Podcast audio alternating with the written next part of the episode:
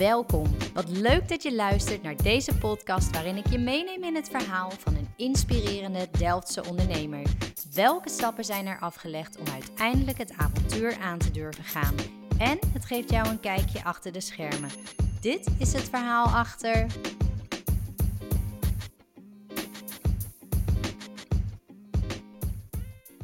Hey, hallo allemaal. Deze week een wat andere podcast dan jullie gewend zijn. Door wat verkoudheden bij sommige gasten is er vandaag helaas geen interview met een ondernemer te horen. Geen zorgen, er komen er nog genoeg aan. Alleen deze week staan er al drie opnames op de planning. Ik vind het alleen leuker om live in gesprek te gaan dan um, met een beeldscherm. En ja, ik wil ook geen risico nemen. Dus uh, ja, omdat ik regelmatig de vraag krijg over wat ik precies doe, heb ik besloten om net zo stoer te zijn als mijn gasten. En uh, daarom neem ik nu mijn eigen verhaal op. En ik ben ook zeker niet zomaar begonnen. En om dat goed uit te kunnen leggen, begin ik maar helemaal bij het begin en neem ik je even mee terug in de tijd toen ik nog op de middelbare school zat. Er komt zo'n moment, rond je vijftiende geloof ik, waarop je een beetje moet gaan kiezen welke richting je op wilt. En er wordt dan wel een test gedaan van eh, nou, wat je goed kan, waar je interesses liggen. Maar vaak kijk je toch eh, naar de vakken volgens mij die je gewoon leuk vindt of die je misschien wel makkelijk vindt.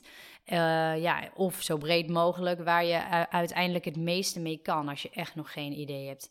En ik weet nog heel goed het moment waarop ik mijn pad ging kiezen. Ik had een beste vriendinnetje en wij waren eigenlijk altijd bezig met mode, muziek en in tijdschriften aan het bladeren. En er kwam een moment dat zij tegen mij zei: dit vind ik echt wel heel leuk voor jou. En dat ging over een artikel over visagie. En ik las dat en ik dacht, hoe gaaf is dit? En wij waren dus altijd bezig met mode en muziek en ik had eigenlijk nog nooit van het woord visagiste gehoord. Maar er ging iets in mij aan.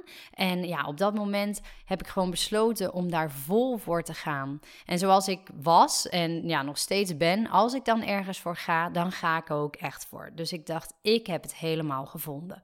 Dus na de middelbare school dacht ik het zeker te weten. Ik zou visagiste worden. En ik ging daar dus ook een opleiding voor doen. En tijdens die opleiding zag ik al wel dat ik zeker niet de beste was in de klas. Maar ja, ach, ik pakte gewoon alle opdrachten aan. En dat betekende dat ik alle fotografen, alle modellenbureaus in Nederland heb afgebeld. Uiteindelijk ging ik in Amsterdam werken. En ik kwam daar terecht uh, ja, voor een soort uitzendbureau voor visagistes. En um, ja, dat, dat, nou ja, daar had ik het heel erg naar mijn zin. Kreeg al snel een baan aangeboden gekregen. En op dat moment kwam ik daar ook een collega tegen die ook wat tv-klussen deed. En zij zei, nou, ik uh, denk dat jij ook dat moet gaan doen. En ik breng je wel in contact. En zo kwam ik uiteindelijk bij de tv terecht. En dat was wel echt iets wat ik super graag wilde. Ik maakte vet lange dagen. Het was wel echt ook een beetje spannend. En soms moest ik om vier uur s'nachts op om dan vervolgens om acht uur s avonds weer eens een keer thuis te komen. Uh, ja, ik reisde door heel Nederland, kwam op hele vette plekken en locaties en heb zeker hele leuke avonturen meegemaakt. Ja, en toch voelde ik me nooit helemaal op gemak. Ik was, ik was daar ook echt een ukkie. Ik was een meisje van, ja, wat is het, 18, 19, 20 jaar. En ja, iedere dag moest ik me eigenlijk weer opnieuw bewijzen, want je werkt heel vaak weer met een heel nieuw team aan mensen. En op een gegeven moment begon het een beetje te knagen, dat werk, zonder dat ik het nog door had. Maar ja, die draaidagen waren gewoon heel erg lang en dat vond ik in principe niet erg hoor. Ik vond dat, dat ook nog wel leuk. Maar het was vaak heel hard even knallen en dan weer heel lang wachten. En dan soms mocht ik het dan weer een beetje bijwerken, die make-up. Uh, ja, en ik werkte ook uh, voor een uh, make-up merk, voor MAC Cosmetics. Een heel mooi make-up merk, nog steeds een van mijn favorieten. En daar kreeg ik dagelijks de vraag: welke kleur lipstift staat mij mooi? En ja, ik kon het gewoon niet meer horen. En ik kreeg alleen maar vragen welke BN'ers ik in de stoel had gehad. Ja, en zo werd ik stiekem een beetje de wereld uh, zat. En het leek eigenlijk alleen maar om veruiterling te, veruiterlijking te gaan.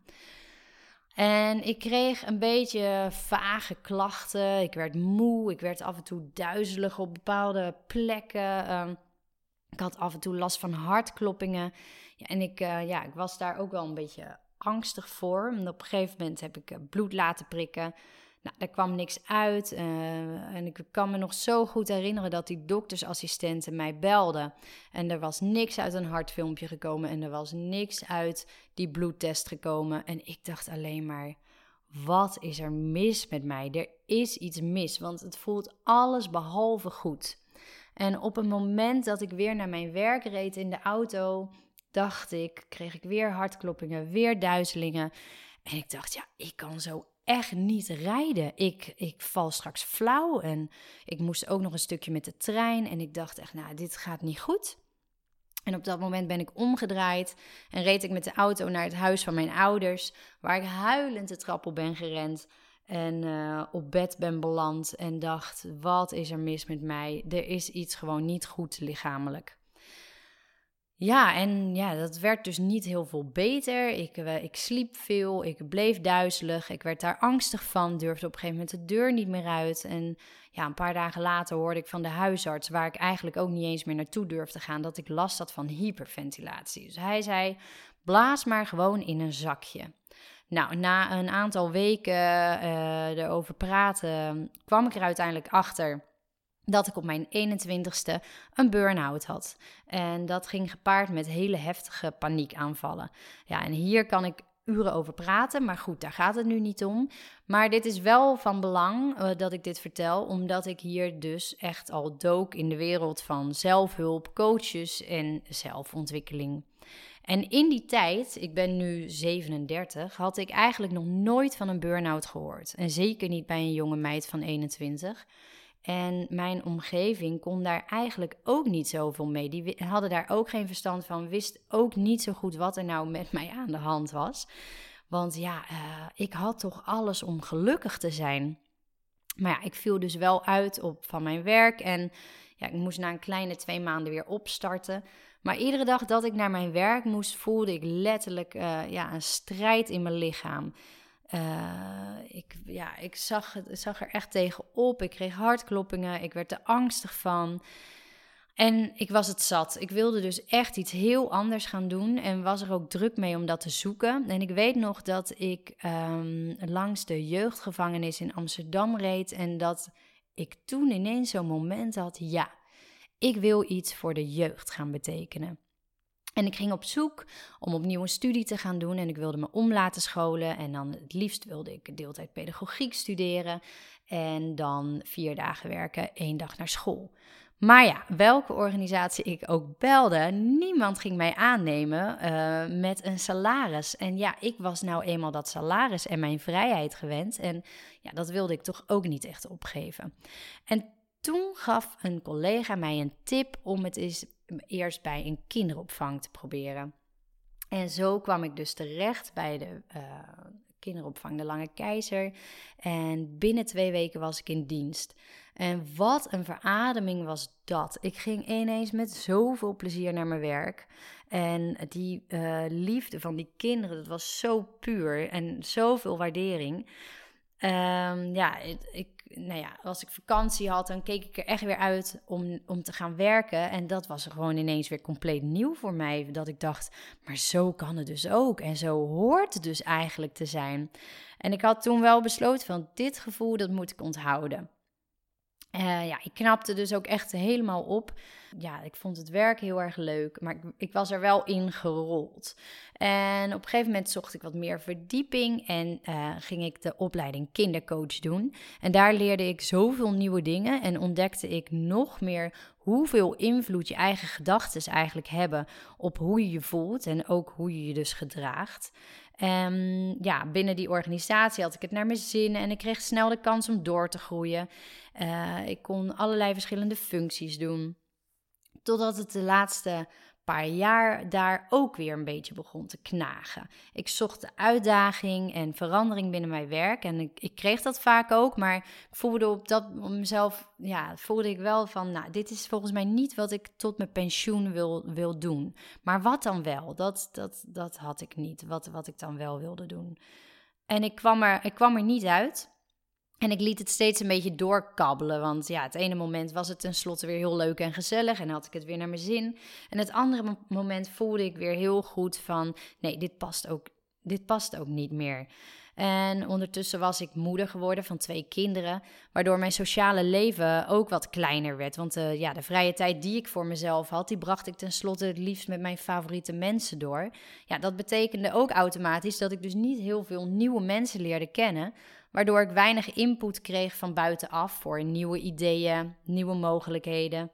Ik werkte daar 27 uur in drie dagen en die andere twee dagen waren dan mijn mama-dagen met de kinderen.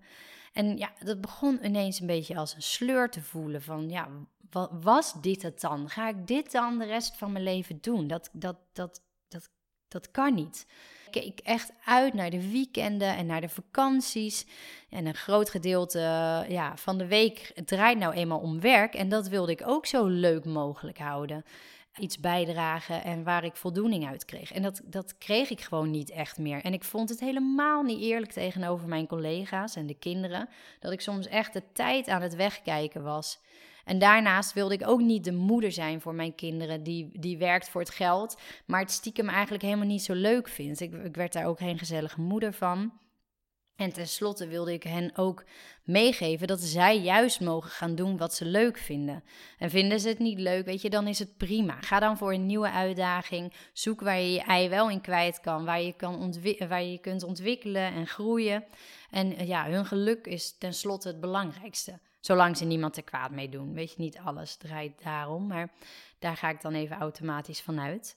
En werk je natuurlijk wel 45 jaar bij hetzelfde bedrijf, is dat natuurlijk ook helemaal goed. Hè? Daar kan ik ook alleen maar respect voor hebben. Maar het gaat er mij om dat uh, ja, je hebt één leven, er zijn zoveel leuke dingen. En ja, ga vooral doen waar jij gelukkig van wordt. En dat maakt niet uit als je dan van baan switcht.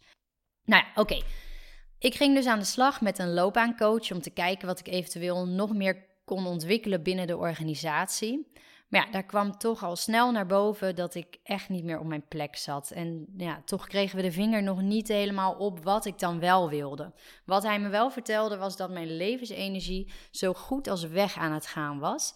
En dat het toch wel echt tijd was voor mij om daar weg te gaan. Anders had het misschien wel weer tot een burn-out kunnen komen. Ja, daar schrok ik wel van. En stiekem wist ik dat natuurlijk ook wel. Maar ja, dat ging me gewoon hoe dan ook niet meer gebeuren. En ik wist op dat moment wel dat ik de knoop moest doorhakken. En ging het gesprek aan om mijn baan om op te zeggen. En dat ging echt niet zomaar. Maar ik uh, ja, kan me nog wel goed herinneren dat ik dacht: ja, waarom zou ik niet twee maanden de tijd geven en mezelf lucht geven om te gaan onderzoeken? Maar ik had ontzettend veel drempels om het niet te doen. Ja, en bij die, uh, bij die loopbaancoach kwam er dus wel uit, uh, er kwamen wel dingen naar boven dat het iets maatschappelijks moest zijn, iets sociaals, iets waar ik mijn creativiteit in kwijt kon en dan het liefst ook nog iets cultureels. Nou, ga dat maar eens zoeken. En uh, ja, ik heb toen met mezelf afgesproken, ik ga mezelf twee maanden de tijd geven en dan echt op zoek te gaan en te ontdekken wat ik leuk vind. Dus nou ja, in de tijd dat ik mijn baan had opgezegd, heb ik de telefoon gepakt. Ben ik verschillende bedrijven gaan bellen of mensen die bij een bedrijf werkten, waarvan ik dacht, nou dat lijkt me wel leuk. En ik ga eens onderzoeken wat dat dan is, wat me daar zo leuk aan lijkt. Dus ik ben bij uh, ja, verschillende bedrijven geweest, zoals uh, Perspectief, dat is dan als een maatschappelijke organisatie. Um, ik ben een dagje bij het AD geweest. Ik heb een keertje bij hem met in de buurt gepraat. Ook omdat het schrijven mij heel leuk leek. En ook het interviewen. Je kan verdiepen in een onderwerp.